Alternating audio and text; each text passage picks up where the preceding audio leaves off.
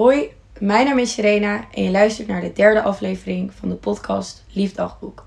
De podcast waarin ik ongemakkelijke en of gevoelige onderwerpen bespreek die je normaal in een dagboek zou schrijven.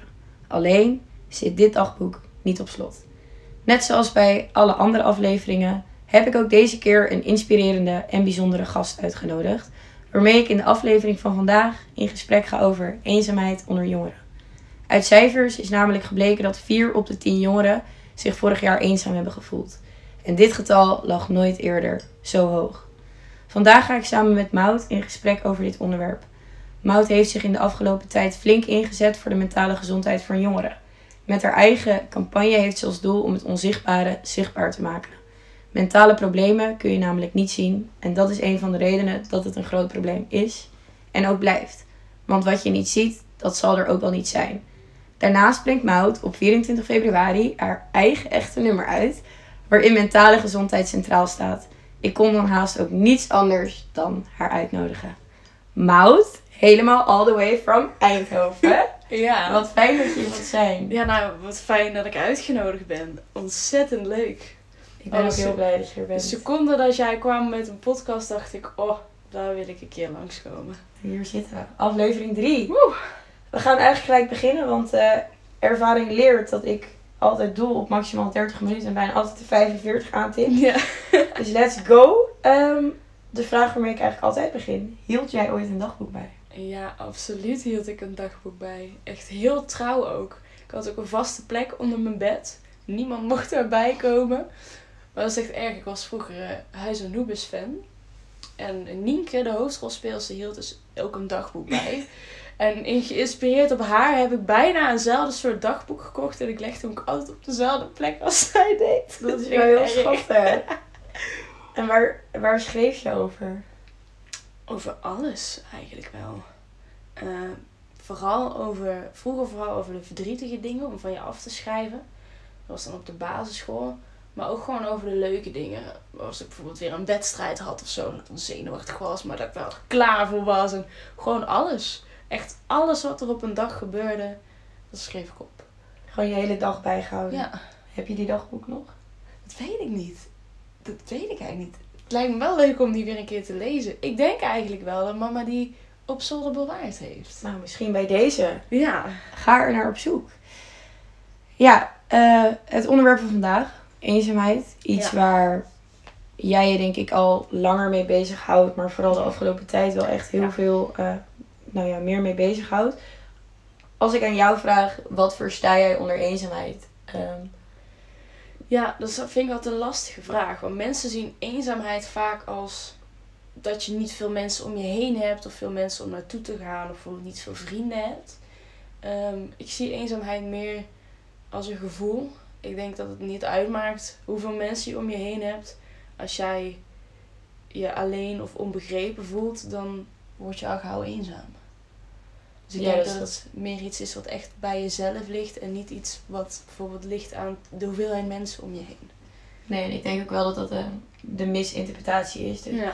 oude mensen zijn eenzaam. ehm, Ja, je bent eenzaam op het moment dat je geen vrienden hebt. precies.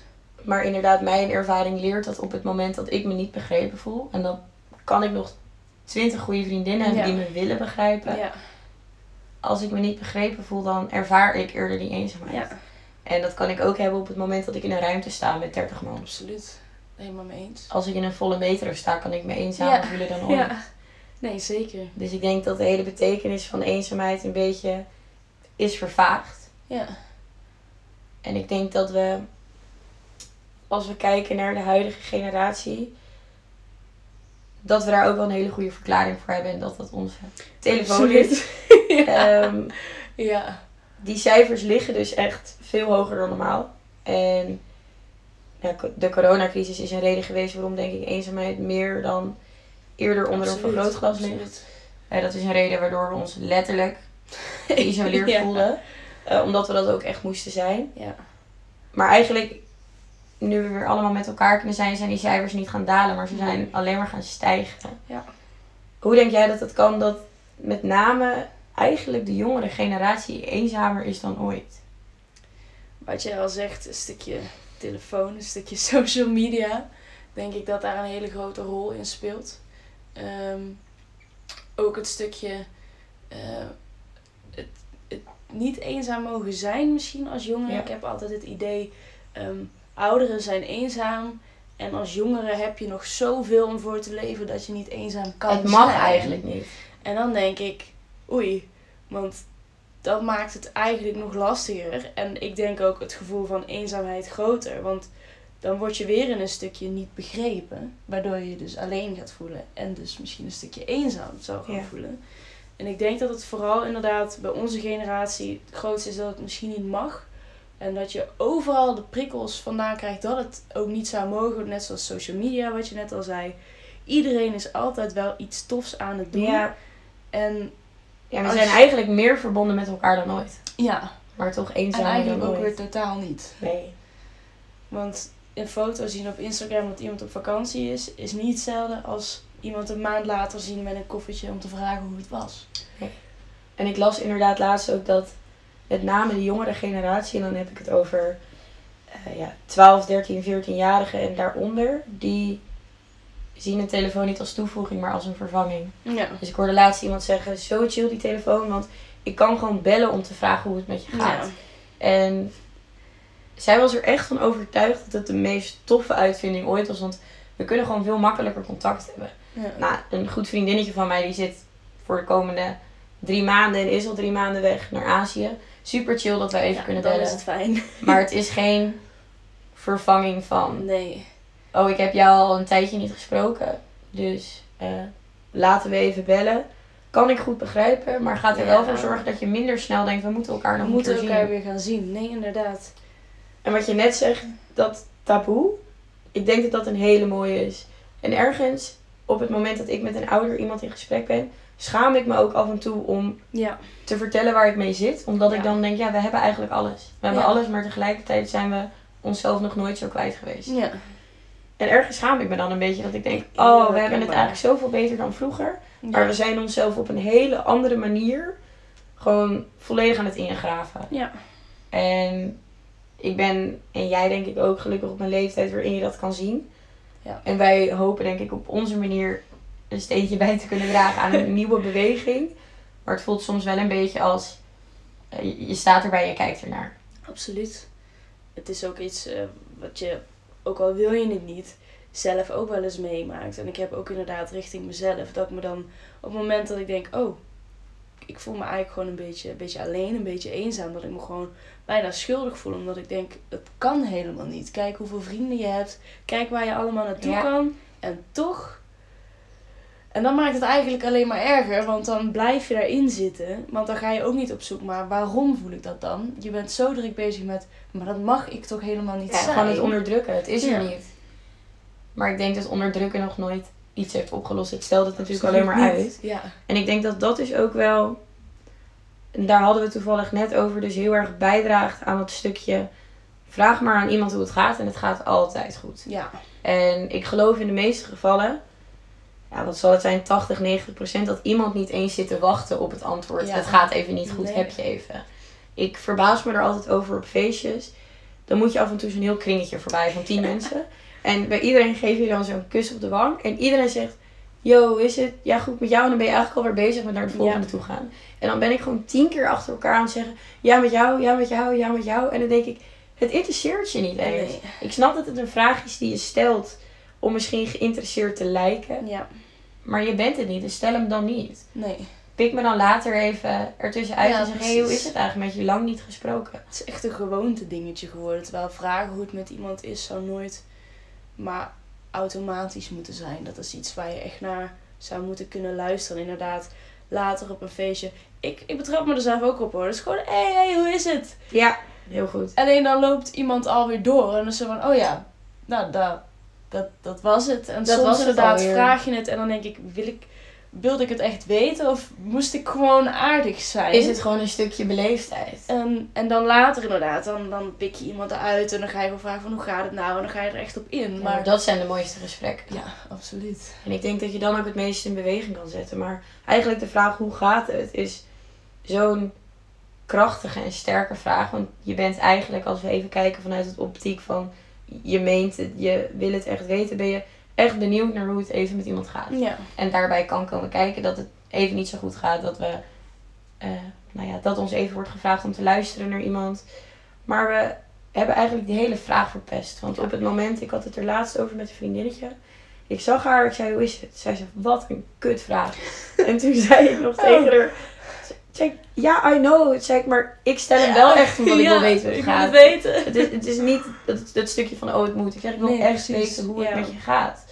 Maar daardoor op het moment dat mensen het mij vragen, denk ik, je wilt het niet eens weten. Nee. Er gaat eigenlijk al iets borrelen dat ik denk, En dan ga je ook geen eerlijk antwoord meer geven. nee, ik heb nog nooit tegen zo iemand gezegd op een feestje, ja, trouwens, Het gaat kut, joh. het gaat echt slecht met me. Ja. Want ik weet, mijn antwoord, daar zit jij niet op te wachten. Nee. En ik wil dat ook niet met jou delen. Nee. En dan hè, ben ik van mening dat je het niet met Jan en allemaal hoeft te delen.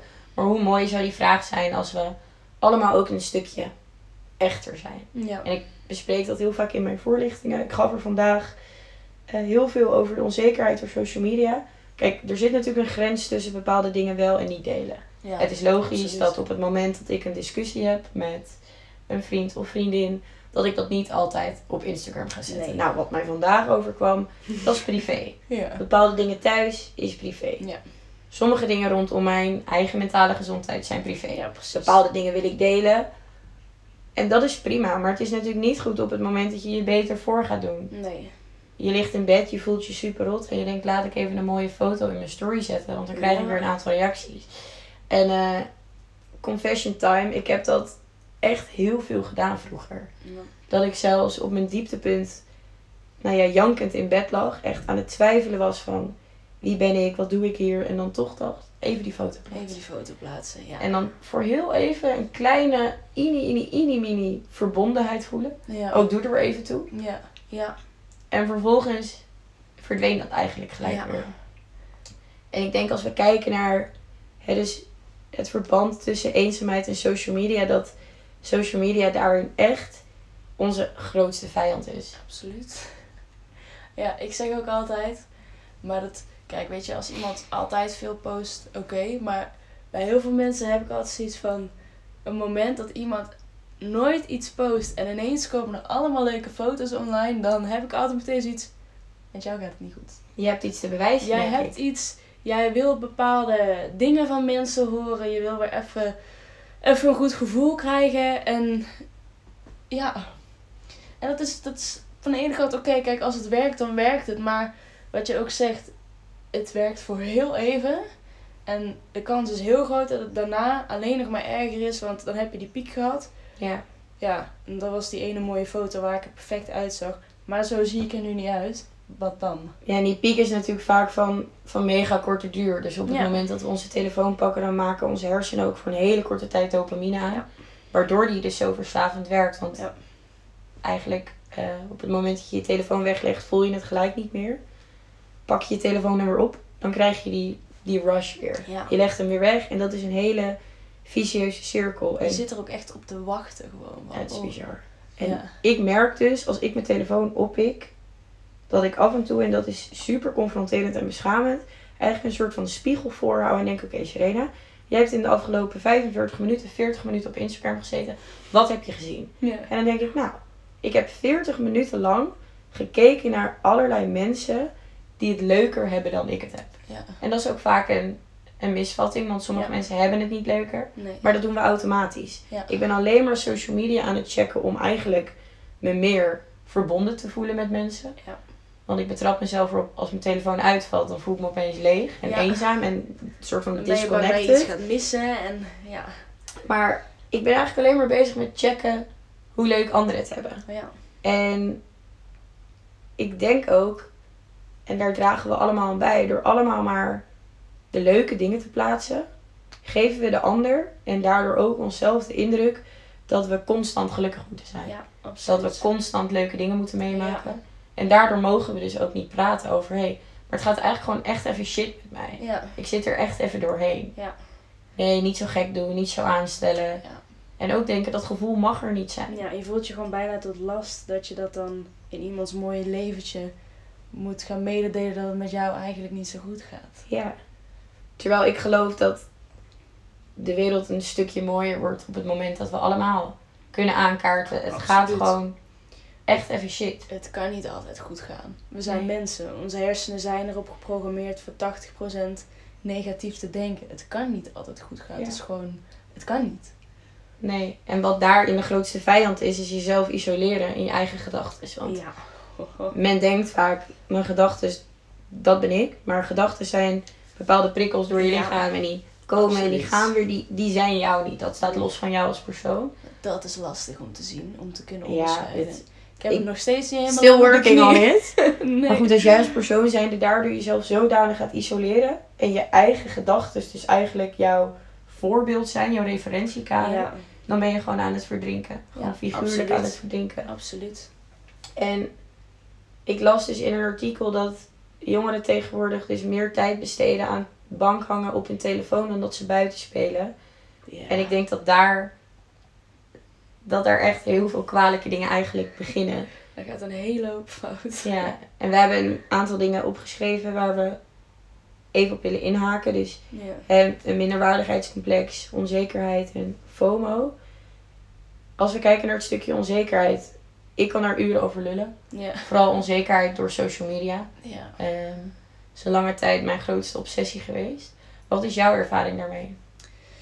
Ehm, ja, ik herken het heel erg. Eh, ook vooral, ik heb nooit heel erg het gehad, maar het, ik ben altijd heel, heel ehm, voorzichtig geweest in wie en wat volg ik. Omdat ik weet van mezelf dat ik er heel gevoelig voor kan zijn. Wat anderen posten en laten zien. En ik ben ook zo iemand, het kan altijd beter voor mijn gevoel. En als je dan allerlei accounts volgt die dat bevestigen, ja, dan, dan, dan gaat het niet de goede Het kant begin van het einde. Ehm, ik heb zelf absoluut wel eens ik, dat ik mensen en dat ik denk: jij bent het leven aan het leiden wat ik wil leiden en waarom ben ik daar dan niet? Mhm. En dat je dan een hele riedel afgaat in je hoofd van: oh mijn god, maar waarom ben ik daar dan niet? Wat doe ik verkeerd? Moet ik Ja. dan iets anders doen? Ehm, en dan ga je in een vorm uiteindelijk ook eenzaam voelen, omdat je echt zoiets hebt. Maar waarom heb jij het wel voor elkaar en ik niet? En dat je dan ineens denkt: oh, ben ik daar dan alleen in, weet je wel? Ehm, en kan, kan ik daarover praten? Want je schaamt je ook een beetje van: nou ja, als jij het kan, dan zou ik daar ook moeten zijn. Mhm.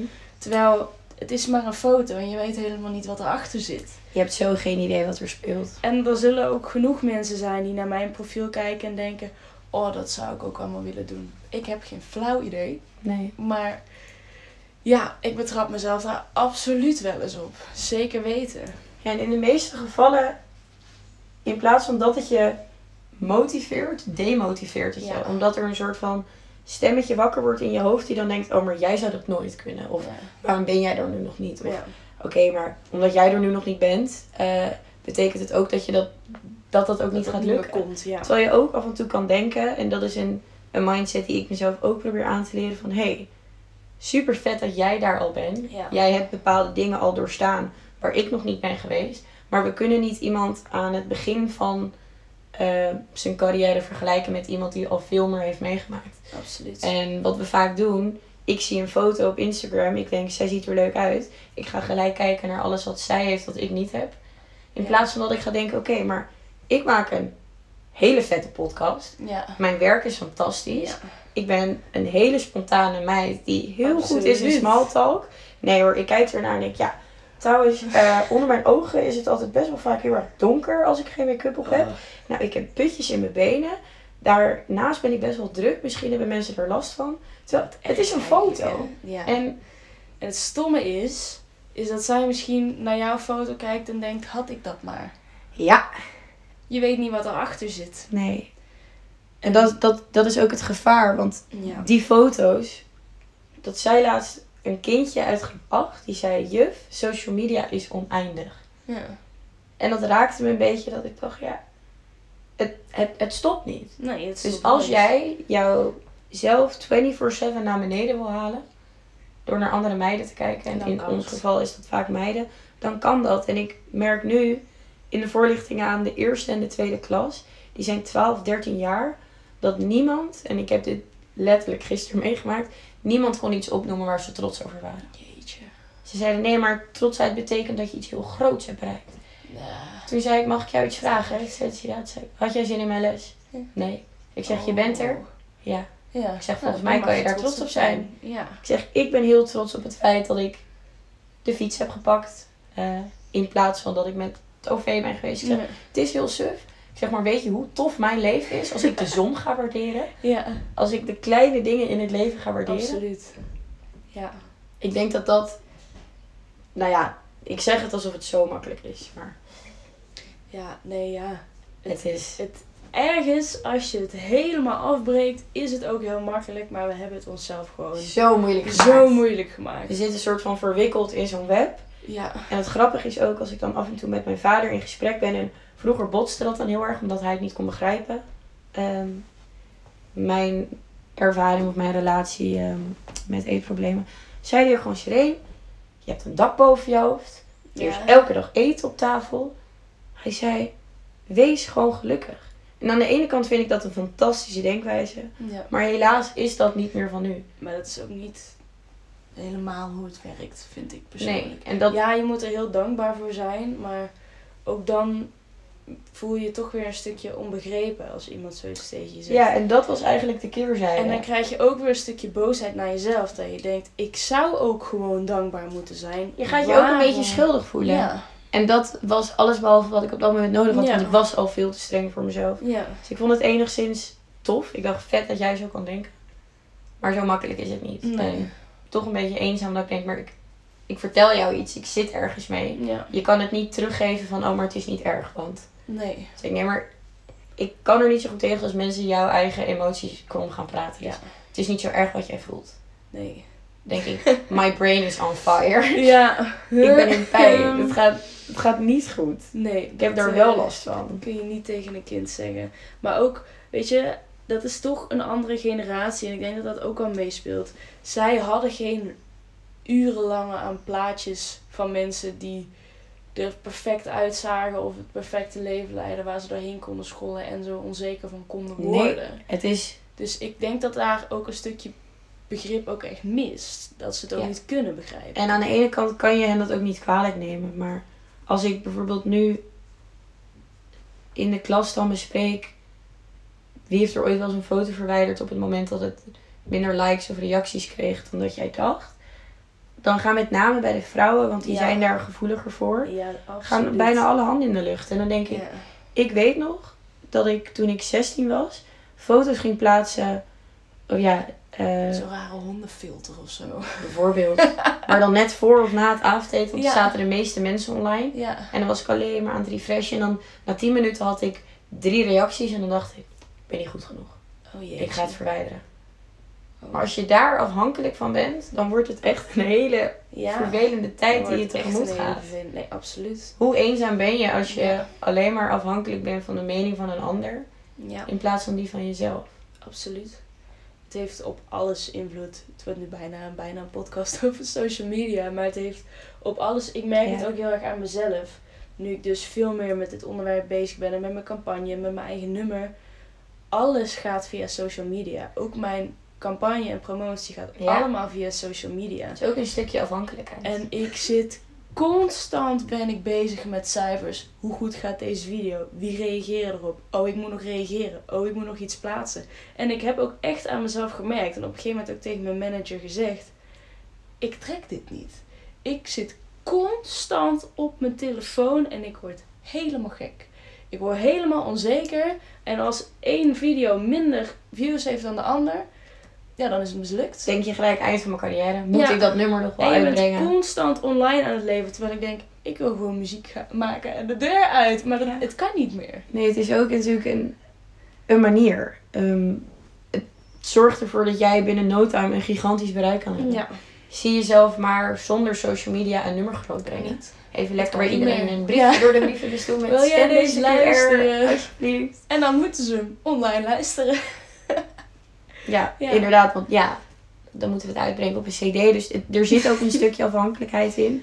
Maar ik denk dat we die hele grens al lang voorbij geslagen Ja. zijn. We zijn, we zijn, en dan spreek ik voor mij, en met heel veel andere relaties, we zijn veel te ver. Ja, absoluut. En ja, kijk, wij we zijn nu al 25 minuten aan het praten over dit onderwerp en kunnen denk ik de hele avond door. Ja. Wij zitten hier tot morgenochtend. Ehm, dat is ook denk ik een reden wat ons weer bij elkaar brengt. Ja. We zijn echt twee stuiterballen. Ehm, Absoluut. zeker, dat hebben we deze zomer eh, Wel bewezen. wel bewezen. Maar wat het mooie is, is dat we dus samen ook een soort van tot rust kunnen komen. Ja, En absoluut. waarde hechten aan dezelfde eh, principes. Nee, Denk ja. jij dat, als jij kijkt naar jouw campagne en wat jij ervan mee hebt gekregen, heb jij het gevoel alsof er genoeg gepraat wordt over dit onderwerp? Want je brengt het uit met een reden, denk ik. Eh, helemaal niet. Over eenzaamheid onder jongeren, dat is echt... Nou ja, als je het dan hebt over het onzichtbare zichtbaar maken... Mensen zien het niet. Heel veel mensen denken ook dat het niet bestaat, want je bent jong en je feest. En eenzaam, het kan niet, want de hele wereld ligt aan je voeten. Ehm, nee, het wordt absoluut... Ik heb het hier ook echt eigenlijk bijna nooit over met mijn vrienden. Ik heb het laatst voor het eerst aan iemand toegegeven. Dat ik echt zei, ik heb laatst, ik heb afgelopen half jaar met een hersenschudding gezeten. Heel veel binnen gezeten. ehm, heel ander soort leven gehad. En op de een of andere manier, ook al heb je heel veel lieve mensen om je heen, ik begon me best wel eenzaam te voelen. Ja. En echt tot in diepe schaamte, ik durf het niet aan mensen te vertellen. Want ik ben jong en ik ben super sociaal. Ik, ik, dus die Eenzaam? stuiterbal, eenzaam, het kan niet. Weet je wel, dat mag helemaal niet. Normaal doen, ben eens even dankbaar voor wat je hebt. En dan toch is het er wel. En je durft het gewoon, ik durfde het niet te vertellen. Maar op het moment dat ik het vertelde aan mijn vrienden, was het echt meteen, wow Mout, wat goed dat je het zegt. Ik heb het helemaal niet doorgehad. Kunnen we iets voor je doen? Gewoon super begripvol. En dan denk ik ook, ja, stom stemmetje in mijn hoofd ook. Want mensen begrijpen je wel en die willen je eigenlijk alleen maar helpen. Dus ja, Zou je het nog een keer op die manier doen? ja, dan zeg ik nou wel nee. Ja, Ehm, want ik denk dat dit hele idee voor die campagne al eerder dan een half jaar geleden opgestart was. Of in ieder geval, het zijn waarden waar jij wel, eh, absoluut. die jij wel echt belangrijk vindt. Dus hoe kan het dan dat de coach die het spelletje leert aan anderen, Ja. het zelf niet doet? Ja, dat is de grote grap eigenlijk, hè. Ja. En dat maakt het dus extra frustrerend en een extra reden waarom ik het eigenlijk gewoon het nog moeilijker maakte voor mezelf. Dat ik dacht, Mout, je bent een campagne aan het voeren over eh, het normaliseren van praten over mentale gezondheid en alles wat daarbij komt kijken. En dus ook eenzaamheid. En dan trek je zelf je mond niet open. Ja, dan komen de frustraties. Dat is heel confronterend.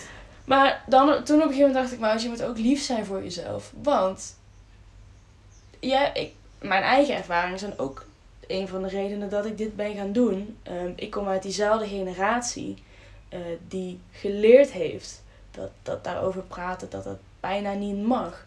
Dus ook in mijn hoofd zit het heel erg van, ja, maar mag het dan wel? Ook al wil ik het normaliseren en mag het van mij, voelt het alsnog zo alsof het niet mag. En dan wordt het ineens En is het dan niet mag van een ander? Of van jezelf? Een goede combinatie van. Het Ik denk ook wel heel erg dat kritische stemmetje. het stemmetje in mijn hoofd wat gecreëerd is door bepaalde ervaringen. Door eigenlijk van alles. Ja. Ja, dat, dat eh, of die heet dus de innerlijke criticus. Daar heb ik het toevallig recentelijk over gehad met mijn, eh, met mijn psycholoog. Ik noemde hem altijd het duiveltje. Oh. Sindsdien weet ik dus dat hij innerlijke criticus heet. Dat is een hele luxe naam. Een chique naam. Maar het is eigenlijk iemand die ons inderdaad op een goede manier eigenlijk probeert te behoeden voor gevaar. Ja. Maar zodanig dat overal waar mogelijk gevaar in kan zitten. Ja. Dus hè, het delen wat als iemand het raar vindt. Ja. Die daar al voor wordt beschermd. Ja. En dat is lastig.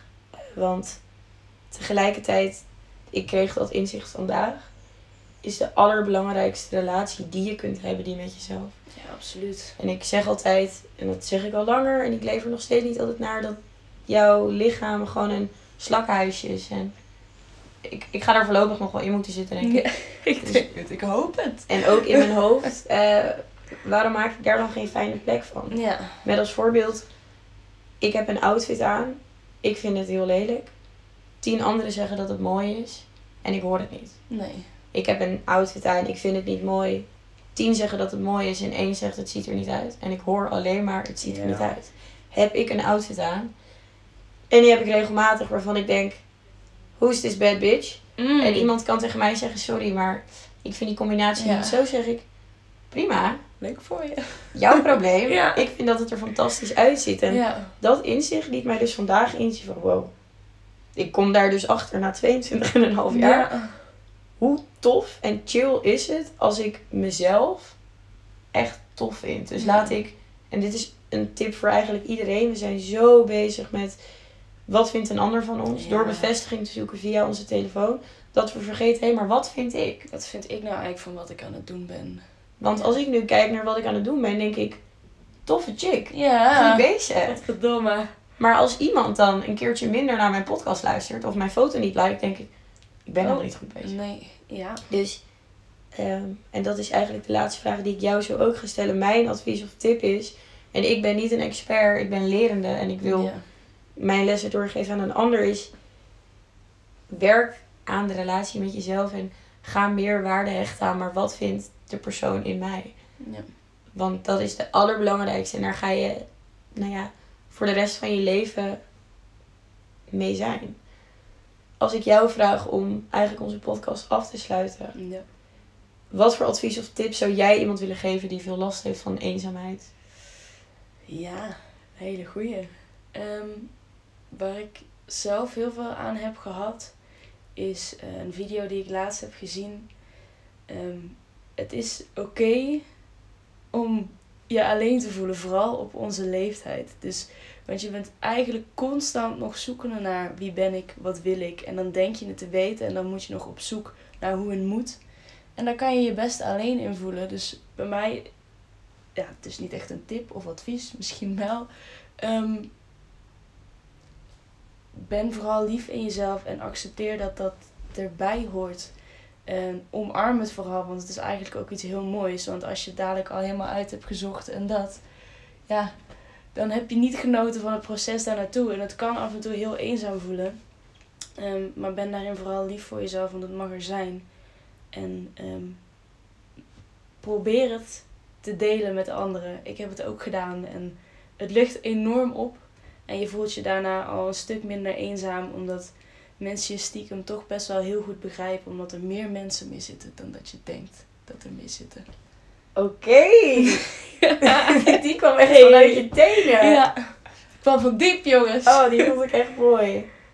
Wout, we gaan hem afsluiten. ja, hebben we toch nog best kort gehouden voor ons. Ik vind voor wel Ik hier dacht- over zes als je- uur nog kunnen ik zitten. dacht, Maar als je ons samenzet in de podcast, dan gaat het gebeuren. we moeten- we moeten ook denken aan een luisteraar. Absoluut. Volgens mij hebben we echt een parel neergezet. Volgens mij Ja. die echt heel goed. Mee eens. En ik voel dat op het moment dat hij klaar is. Ik ben hier echt heel trots op. Yes. En ik wil Ik jou ook. heel erg bedanken. eh, Want jij hebt eraan bijgedragen. Nou, ja, jij ook bedankt dat je dit doet ook en dat ik hier mocht zijn. Oh, dankjewel!